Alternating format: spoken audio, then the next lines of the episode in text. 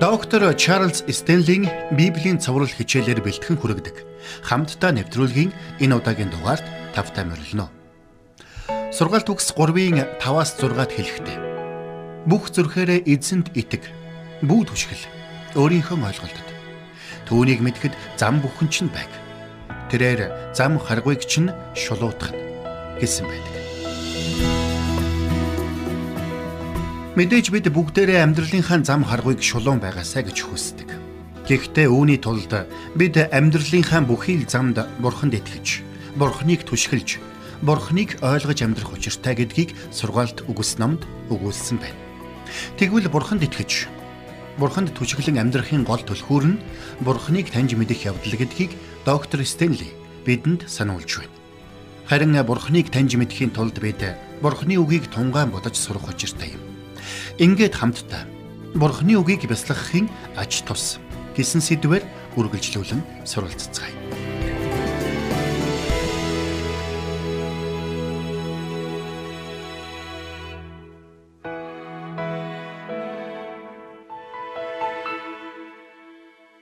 Бид Библиэдх Бурхны итгэмжит зарц үйлчлэгч нарын залбирлаас маш олон зүйлсийг сурах боломжтой.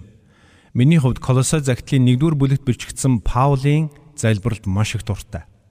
Тиймээс ч хүмүүс надаас таны төлөө ямар сэдвээр юу залбирх вэ гэж асуухт нь би Колосын 1-р бүлгийн 9-өөс эхэлж байгаа залбирлын дагуу залбирч өгөөрэй гэж би хүсдэг юм. Хэрвээ та залбиралд суралцахыг хүсэж байгаа бол Библи бичигдсэн олон гайхалтай залбирлуудыг уншиж судлах боломжтой юм шүү. Учир нь Библиэд хүнд хэцүү нөхцөл байдлын дундаас бурханд хандан хашгирсан олон бурханлаг хүмүүсийн залбирал бичигдсэн байдаг юм. Та тэдгээр залбирлуудыг чангаар уншаа дараа нь бурханд хандан бурхан минь би хэрхэн эдгээр хүмүүс шиг залбирахыг та надад зааж өгөөч хэмээн залбирanгуугаарай. Тэр цагт таны өөрийнхөө төлөө залбирах залбиралч нь багасч бурхны хүсэл зорилгыг биелүүлэхийн төлөө болон бусад хүмүүсийг босгон байгуулахын төлөөх залбиралч нь ихсэх болно. Учир нь Библиэдх итгэлийн бааtruуд үргэлж ийхүү залбирдаг байсан юм. Бурхны өмнө ганцаарчлан ирээд чимээгүйхэн сууж Бурхны тухай болон түүний үгийн тухай бодож түүнд үйлц залбирлаа өргөдөг байсан бурханлаг хүмүүсийн жишээ Библиэд олонтой дүрдэгдсэн байдаг. Тэдгээрийн нэг тод жишээ бол Давид хаан юм. Дуулал номыг анхааралтай унших юм бол Давид хаан Бурхны үгийг бясалгаж түүний тухай тунгаан бодож сурсан нэгэн байжээ гэдгийг та билээхэн харах болно.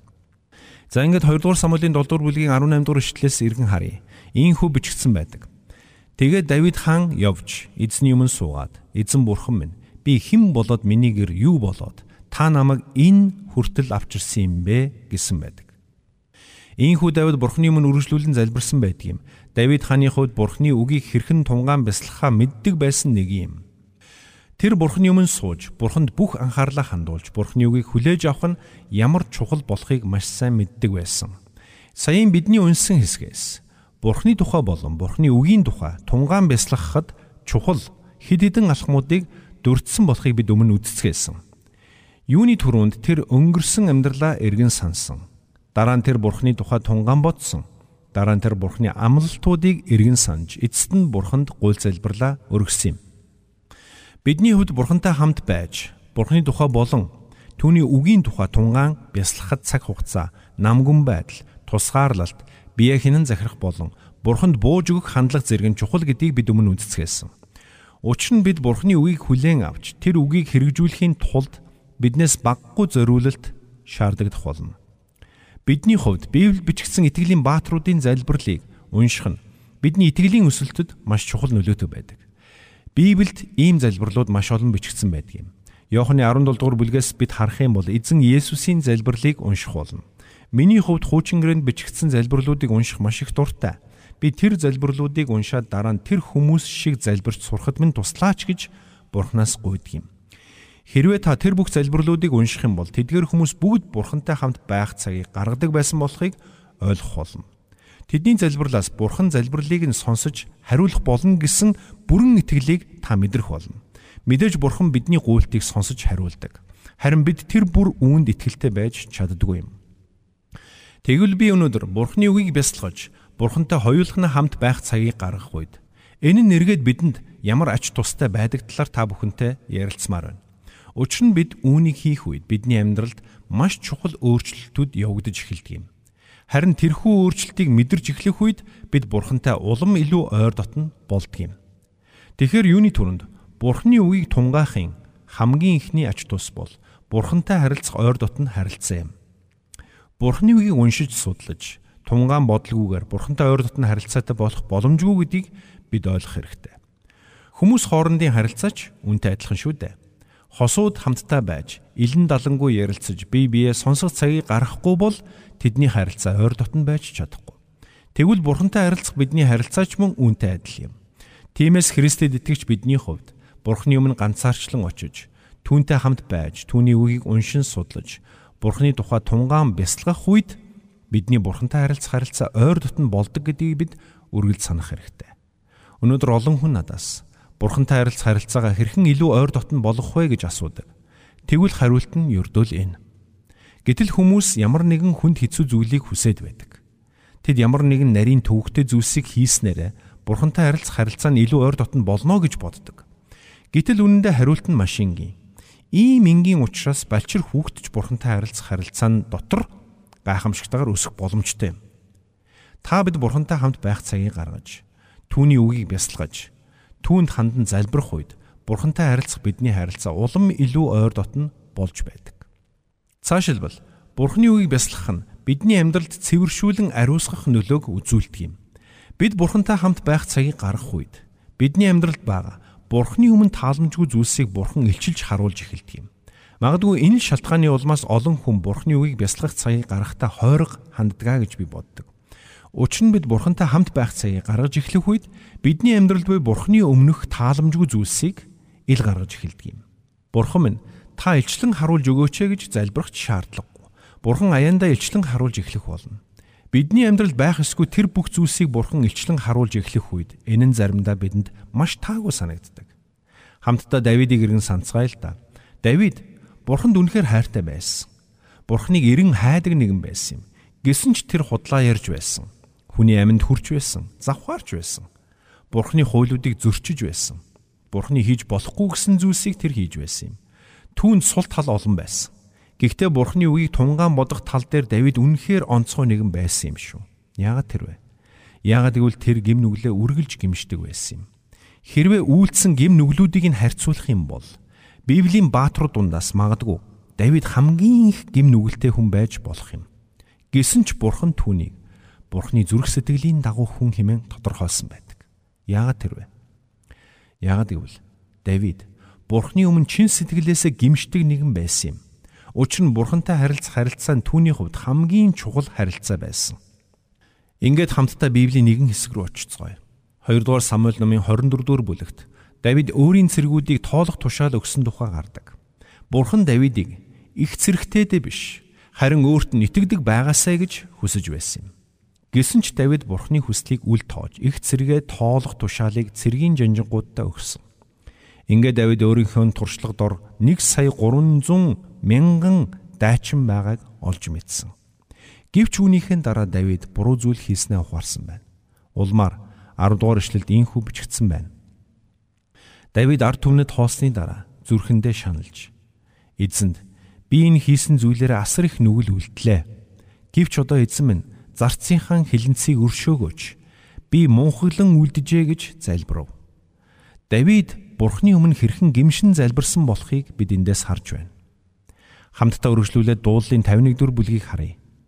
Дуулал номын 51 дугаар бүлэгдэр Давид хаан Батшибат залбирсныхаа дараа Бурхны өмнө гимшин залбирсан залбирал бичигдсэн байдаг. За ингээд дуулал номын 51 дугаар бүлгийн 1-ээс хойш харцгаая. Бурхан хайр инэрлийнхээ учир намайг нэгүүлсэж Агуу их өршөөлийнхөө учир гимт үйлдэлийг минь арилгаач. Хилэнцээс минь намайг олонтой угааж, нүглээс минь намайг цэвэрлэж. Би гимт үйлдэлээ мэднэ. Нүгэл минь үргэлж миний өмнө. Таны зөвхөн таны эсрэг би нүгэл үлдэж, таны мэлмид ёрын мууг хийлээ. Тийм болохоор та айлдвараараа зөвтгөж, та шүүгдэхтэй гимгүү болоо. Давид өөрийнхөө гим нүглийг хаацайлан өмгөөлөх гэж оролдоогүй болохыг бид эндээс харж байна. Цааш нь харах юм бол балуунаар гмийг минь цэвэршүүлээч. Би цэвэр болно. Намайг угаагаач. Би цаснаас цагаан болно. Надад баяр хөөр баясгалан сонсгооч. Та яйруулсан ясаа баясгаач. Гим нүглээс минь нүрэ бууруулж, хилэнц бүхнийг минь арилгаач. Бурхан, миний дотор цэвэр зүрхийг бүтээж, миний дотор зөв сүнсийг шинчлэн авчраач. Авралынхаа баясгалан надад сэргээж өгч, хүсэл зорилгынхон сүнсээр намайг тэтгэж. Бурхан, авралын минь бурхан, намайг цус урсгалтаас авраач. Хилмэн таны зөвхт байдлыг дуулнаа гэсэн байна. Давид хаан бурхны өмнө гим нүглээ хэрхэн гимшиж байсныг бид эндээс илхэн харж байна. Үнэхээр Давид бурхны өмнө чин сэтгэлээсээ гимшдэг байсан учраас бурхан түүнийг зүрх сэтгэлийн дагуу хүн хэмээн тодорхойлсон юм. Ингээд хамтдаа Илчлэл номын 22 дугаар бүлэг рүү очицгоё. Бурхан 1-р Самуэль номын 13-ын 14-т Давидыг миний зүрх сэтгэлийн дагуу хүн хэмээн тодорхойлсон байдаг. Тэгвэл Илчлэл номонд Эзэн Есүс Патм арал дээр цөллөгдсөн байсан Иоханд үзүүлсэн үзэгдэлтэй Давидын тухай инх үгүүлсэн байна. Хамтдаа Ичлэл номын 22 дугаар бүлгийн 16-ыг харъя. Есүс би чуулгануудын төлөө та нарт эдгээр зүйлсийг гэрчлэхийн тулд Тэнгэрлэгчээ илгээлээ.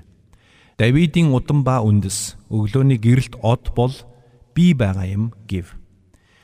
Библийн хамгийн сүүлийн ном болох Илчил номын хамгийн сүүлийн бүлэг дэх хамгийн сүүлийн илчлэлдээ Эзэн Есүс өөрийгөө Давидын удам хэмээн тодорхойлсон байгааг бид сая уншлаа.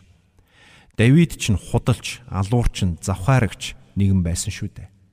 гэж та бодож үйж болох юм. Тийм ээ, тэр үнэн. Гэхдээ Давид Бурхны үгийг тунгаан бодож, Бурханд залбирч, Бурхны өмнө гимшдэг байсан нэгэн. Энэ нь түүнийг Бурхны зүрх сэтгэлийн дагуух хүн болгосон юм. Давид хаан гим нүгэл үйлдсэн даруйда Бурхны өмнө очин гимшдэг байсан. Харин бид ихэвчлэн гимшигтэй хойрог ханддаг юм. Харин бид Бурхны үгийг тунгаан бодож Бурхан руу ойртох тусам Бурхан бидний амьдралд буй таагүй зүйлсийг илчлэн харуулж бидний Бурхны өмнө гимшихийг сануулж өгдөг юм. Гимшлийн тухай ярихаар зарим хүмүүс би зөв зүйлийн төлөө гимшиж байгаа эсхэ яаж мэдэх вэ? Эсвэл би ямар нэгэн зүйлийг гимшилгүй үлдээчихвэл яах вэ гэх мэтэр асуудаг. Энэ тал дээр та санаа зовох хэрэггүй.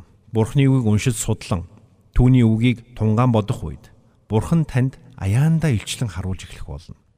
Тинхүү Бурхан өөрийн үгээр дамжуулан бидний зүрх сэтгэлийг болон бидний амьдралыг цэвэршүүлэн ариусгадаг. За ингээд цаашлие. Бурханы үгийг тунгаан бодож, Бурханд тусгаалсан цаг гаргахын өөр нэгэн ач тус нь Бурханыг дуулууртаа дагах явдал юм. Учир нь бид Бурхантай хамт байх цагийг гаргахаас нааш Бурханыг дуулууртаа дагах халуун хүсэл эрмэлзлийг бий болгож чадахгүй. Бид Бурхантай хамт байх цагийг гаргах үед бид Бурханыг улам илүүгээр хайрлж эхэлдэг. Христэд итгэгчид бид бүгдээрээ Бурханыг хайрладаг гэж бид ярьдаг. Гэхдээ бид зүрхэндээ үнэхээр Бурханыг хайрладаг? Эсвэл бидний хайр зүгээр л онлын төдий хайр уу? гэдг нь тис өөр асуудал юм. Харин бид Бурханыг жинхнээсээ хайрлаж эхлэх үед бидний дотор Бурханыг дуулууртай дагах халуун хүсэл төрж эхэлдэг юм. Улмаар Бурханы эсрэг дуулуургүй байдал гаргах бүрдээ бид Тэр даруй бурхны өмнө гимшиж бурхан минь намайг уучлаарай. Миний үйлдсэн гим нүгэл миний мөн чанартай нийцэхгүй. Тиймээс гим нүглийг минь уучлж таныг дуулууртаа дагахад минь туслаач хэмээн залбирдаг юм. Бид яг л Давид шиг бурхны өмнө гимшигтэй хурдан байх болно. Учир нь бурхныг дуулууртаа дагах байдал болон гим нүгэл хоёр нэг дур байх боломжгүй юм. Тиймээс бид бүгд Давидын нэгэн адил бурхныг дуулууртаа дагах гал халуун хүсэл эрмэлзэлтэй байх учиртай. Тэгвэл энэ халуун хүсэл хизээ бий болдго юм бэ? Бурхантай хамт байж түүний үгийг тунгаан бодож Бурхны өмнө залбирч Бурхныг хайрлах хайр дотор өсөх үед энэ халуун хүсэл аяандаа бий болдго юм. Тэгэхээр бид Бурхны үгийг бясалгаж Бурхантай хамт байх цагийг гаргахын нэгэн чухал ач тус бол Бурхныг дуулууртаа дагах халуун хүсэл гэдгийг ойлгох хэрэгтэй. Эцэст нь Бурхны үгийг тунгаан бодож Бурхантай хамт байх цагийг тусгаалan гаргахын өөр нэгэн ач тус бол бидний үйлчлэлийн үр нөлөө юм.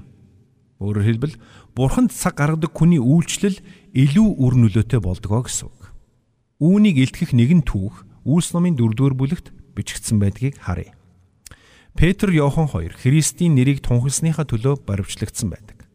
Тухайн үед Иерусалимд хүчтэй хавчлага өрнөж эхэлсэн байсан.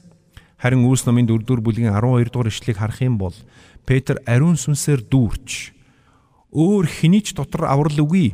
Учир нь бид аврагдаж болох өөр нэр Тэнгэрийн дор хүмүүнд эс өгөөдөв хэмээн тунхагласан байдаг. Хэрвээ бид дараагийн ишлэлийг унших юм бол ийхүү бичигдсэн байна.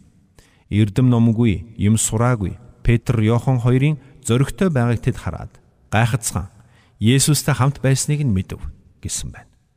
Петр, Йохан хоёр бурхантай хамт байх цагийг гаргадаг байсан учраас тэдний үйлчлэл ер бусын үр нөлөөтэй байсан. Үнэхээр бид ч бас бурхантай хамт байх цагийг гаргадаг байх юм бол бид үүнийг нууж чадахгүйд хүрэх болно. Учир нь бидний байгаа байдал бусдаас тис өөр байгаа хүмүүс анзаарч эхлэх болно. Таны үг яриа урдынхаасаа илүү их эрх мэдэлтэй болох болно. Таны хэлж ярьж буй бүхэн урдынхаасаа илүү их үр нөлөөтэй байх болно. Таны хийж үйлдэж байгаа бүхэн урд урдынхаасаа илүү гүн гүнзгий ул мөрийг үлдээх болно. Үнэхээр бид бурхантай хамт байх цагийг гаргах үед бурхны сүнс бидний амьдралд гайхамшигтайгаар ажиллаж эхлэх болно. Үнэндээ бурхантай хамт байж Бурхны үгийг тунгаан бодож, Бурханд хандан залбирах цагийг өөр юугаарч орлуулах боломжгүй юм. Хүмүүс Бурханд үр нөлөөтэйгээр эрх мэдэлтэйгээр үйлчлэх тухай ярьцгаадаг. Гэтэл энэ нь бэлтгэлжилт, дасгалжуулалт, эсвэл мэдлэг боловсрлоос багахан шалтгаалдаг юм. Мөн уран үг яриа, эсвэл бусдад нөлөөлөх харизмагаас багахан шалтгаалдаг юм. Гагцгүй Бурхантай хамт байх тэр цагаас л шалтгаална. Тиймээс хэрвээ та амьдралынхаа үр нөлөө эрх мэдэл, үр жимсийг хүсэж байгаа бол Бурхантай хамт байх цагийг гаргаарай. Мэдээж бид Бурхны үгийг тунгаан бодож, Бурхантай хамт байх цагийг тусгаалan гаргах үед өнөөдөр миний дурдснаас өөр олон гайхамшигтай ач тусыг бид амсах боломжтой. Гэхдээ тэр бүхнийг ярих цаг бидэнд хангалттай байхгүй. Тиймээс би эцэст нь нэг зүйлийг онцлон хэлмээр байна. Бурхны үгийг тунгаан бодож, Бурхантай хамт байх онцгой цаг бол итгэвч бидний хувьд амьдралдаа гаргаж болох хамгийн чухал цаг юм. Энэ бол бидний хийж болох хамгийн чухал ажил. Хэрвээ та Бурхны дуудсан тэрл талбар дээр амжилтад хүрэхийг хүсэж байгаа бол гол нууц нь ердөөлнө. Магадгүй та дотроо би ажил хийдэггүй, ердөөл нэг оюутан шүү дээ гэж бодож байж болох юм. Тэгсэн ч гэсэн адилхан та Бурхны үгийг өдөр шөнөгүй тунгаан бодоорой. Тэгвэл та хичээл дээр дандаа э авна гэж? Үгүй ээ. Гэхдээ та гарцаагүй амжилтад хүрэх болно гэж хэлмээр байна. Учир нь Библи үүнийг бидэнд батлан хэлсэн юм. Тэгвэл би танаас асууя. Бурхны үгийг өдөр бүр уншиж судалдаг хүний амьдралд уруудан дороотсон гэж та сонсож байсан уу? Үгүй ээ. Би ч бас сонсож байгаагүй. Би өдөр бүр Библи уншаад байсан чинь миний бизнес дампуураад би байгаа бүхнээ алдчихлаа гэж хэлэх хүнтэй би нэг ч удаа таарч байгаагүй. Бурхны үгийг тунгаан бодсноосоо болоод юу ч үгүй хосорчлоо гэж хэлэх хүнтэй би нэгч таарч байгаагүй. Бурхны үгийг өдөр бүр тунгаан бодсноосоо болоод миний үйлчлэл ямар ч үр нөлөөгүй болчихлоо гэж хэлэх хүнтэй би нэг ч удаа таарч байгаагүй. Яагаад гэж? Яагаад гэвэл Бурхан бидний итгэлийн амьдралыг ийм л амар хялбар болгож өгсөн юм. Хэрвээ бид Бурханы үгийг байнга уншиж, өдөр шөнөгүй түүний үгийг тунгаан бодох юм бол бид амжилтад хүрэх болно. Ердөөлэн өдөр шөнөгүй гэдэг нь зогсоо зайгүй гэсэн үг биш ээ. Та өглөөдөө мөн оройдоо Бурхны үгийг уншиж судлах цагийг гаргахад л хангалттай. Өглөө Бурхны үгээр зам мөрөө чиглүүлж, оройн Бурхны үгээр өнгөрсөн өдрөө дүгнэхэд л хангалттай. Инкэл юм бол Бурхан таны амьдралд гарцаагүй амжилтыг өгөх болно. Тиймээс би таныг нэг зүйлд уриалмаар байна. Та дуул номын 1-р бүлгийг уншаарай. Ердөө хитгэн ишлэлтэй бүлэг байгаа. Энд бичигдсэн 6хан ишлэгийг унших зав байхгүй гэж битгий хэлээрэй та энэ 6 ишлийг өдөр бүр уншаад унших бүртээ бурхнаас бурхан минь та энэ хэсгээр дамжуулаад надад юуг ойлгуулахыг хүсэж байна вэ химэн асууж залбираарай.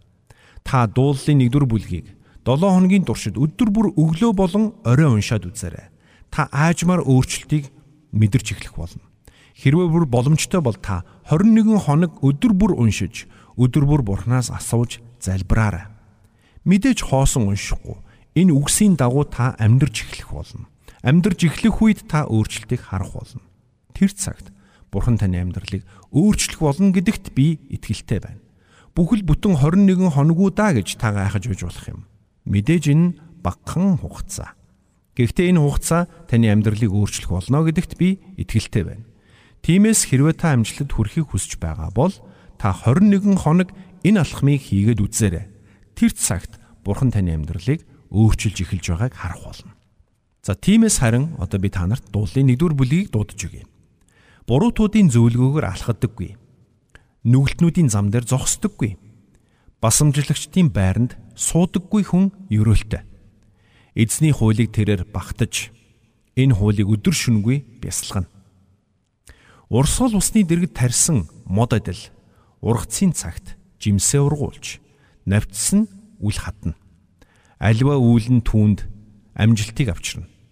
Гим буруут нь тийм бус агаад салхиар ялгагдан хаягдах тарианы хальс мэд. Шийтгэл ирэхэд буруут нь зогсож эсвэлтэн. Зөвхтийн чуулалдж нүгэлтнүүд зогсож үл хоцорно. Зөвхтийн замыг эзэн мэдмүй. Буруутын зам сүнэж мөхмүй гэсэн баг. Та энэ богинохон бүлгийг унших цагийг заавал гаргаарай. Ингэхдээ жишээ нь эхний ишлийг уншаад буруутуудын зөвлөгөөр алхадаггүй хүн гэж ямар хүнийг хэлдгийм болоо гэж эргцүүлэн тунгаан бодоорой. Тэгээ та энэ үгийн утгыг ойлгохын тулд эргэж хараарай. Тэгээд нухацтайгаар тунгаан бодоод энэ үгийн дагуу үйлдээрэй. Тэр цагт Бурхан танд мэрэгэн ойлголтыг өгөх болно. Мөн энэ үгийг амьдралдаа хэрхэн хэрэгжүүлэх арга замуудыг ч илчлэн зааж өгөх болно. Та эхлээд 7 хоног уншаад залбираад үзээрэй. Тэгээд үргэлжлүүлээд 21 хоног. Тэгээд цаашах дараагийн өдрүүдэд ийхүү хийснээр таны амьдралд жинхэнэ өөрчлөлтүүд гарч эхлэх болно. Хамтдаа залбирцгаая. Бурхан эцэг минь. Та өөрийн үгээр дамжуулан бидний амьдралд гайхамшигтай ажиллаа хийдэгт баярлалаа. Өнөөдөр таны өмнө шийдвэр гаргаж 7 хоногийн турш дуул 1-р бүлгийг уншихаар шийдсэн хүмүүсийн төлөө би залбирч байна. Та энэ үгийг ойлгох ухаарлыг болон энэ үгийг амьдралдаа хэрэгжүүлэх мэрэгэн ухааныг тэдэнд өгөөрэй. Та тэр хүн нэг бүрийн зүрх сэтгэл, оюун санаанд дуулын 1-р бүлэгт бичигдсэн амжилтын нууцыг ухааруулan ойлгуулж, энэ л чухал үннийг тэдний зүрхний самбарт сийлж өгөөрэй. Тинхүү бид бүгд таны үгийг уншиж судалдаг, тунгаан бясалгадаг, танд хандан залбирдаг, таны үгийн дагуу үйлддэг хүмүүс болон төлөвшөхийг хүсэж байна. Есүсийн нэрээр залбирлаа. Амен. 21 хоногийн туршид дуулал 1-р бүлгийг өглөө болон орой бүр уншиж энд бичигдсэн үгсийг амьдралдаа хэрхэн хэрэгжүүлэхийг Бурханаас асууж залбирахыг доктор Стенли бидэнд уриалж байна. Энэ энгийн алхам таныг эзэн дотроос гайхамшигтайгаар өсгөх болно гэдэгт та итгэлтэй байж болно. Бурхны үгийг тунгаан мотож бясалгах нь Бурхныг таньж мэдэх гол түлхүүр юм. Харин Бурхныг таньж мэдэх тусам бид ямар ч нөхцөл байдал донд Бурханд илүү итгэж найдаж сурдаг. Тиймээс хэрвээ таны амьдралд өнөөдөр хүнд хэцүү асуудал тулгарсан байгаа бол дуулал 121-р бүлэгт бичигдсэн үгсийг тунгаан бодоорой. Ингээд дуулал 121-ийн 2-оос 8-д бичигдсэн гайхамшигтай үгсээр өнөөдрийнхөө нэвтрүүлгийг өндөрлөлцгөөе. Тэрхүү тусламж минь Тэнгэр газрыг бүтээгч эзнээс. Тэр хөлөөгч нь ис гуйвуулна. Чамайг хамгаалагч тэрээр үл үүрэглэн харагтун. Израилийг хамгаалагч тэрээр үүрэглэгч үгүй. Унтагч үгүй. Эзэн чамайг хамгаалагч. Эзэн чиний баруун гар тал дэх сүүдэрч юм. Шөнөөр сарандаж, өдрөөр нарандаж чи захиулахгүй. Эзэн чамайг муу бүхнээс хаацайлж, тэрээр амийг чинь хамгаална. Орох гарах бүрийг чинь эзэн өдгөөгөөс мөнхөд сахин хамгаална. Амен.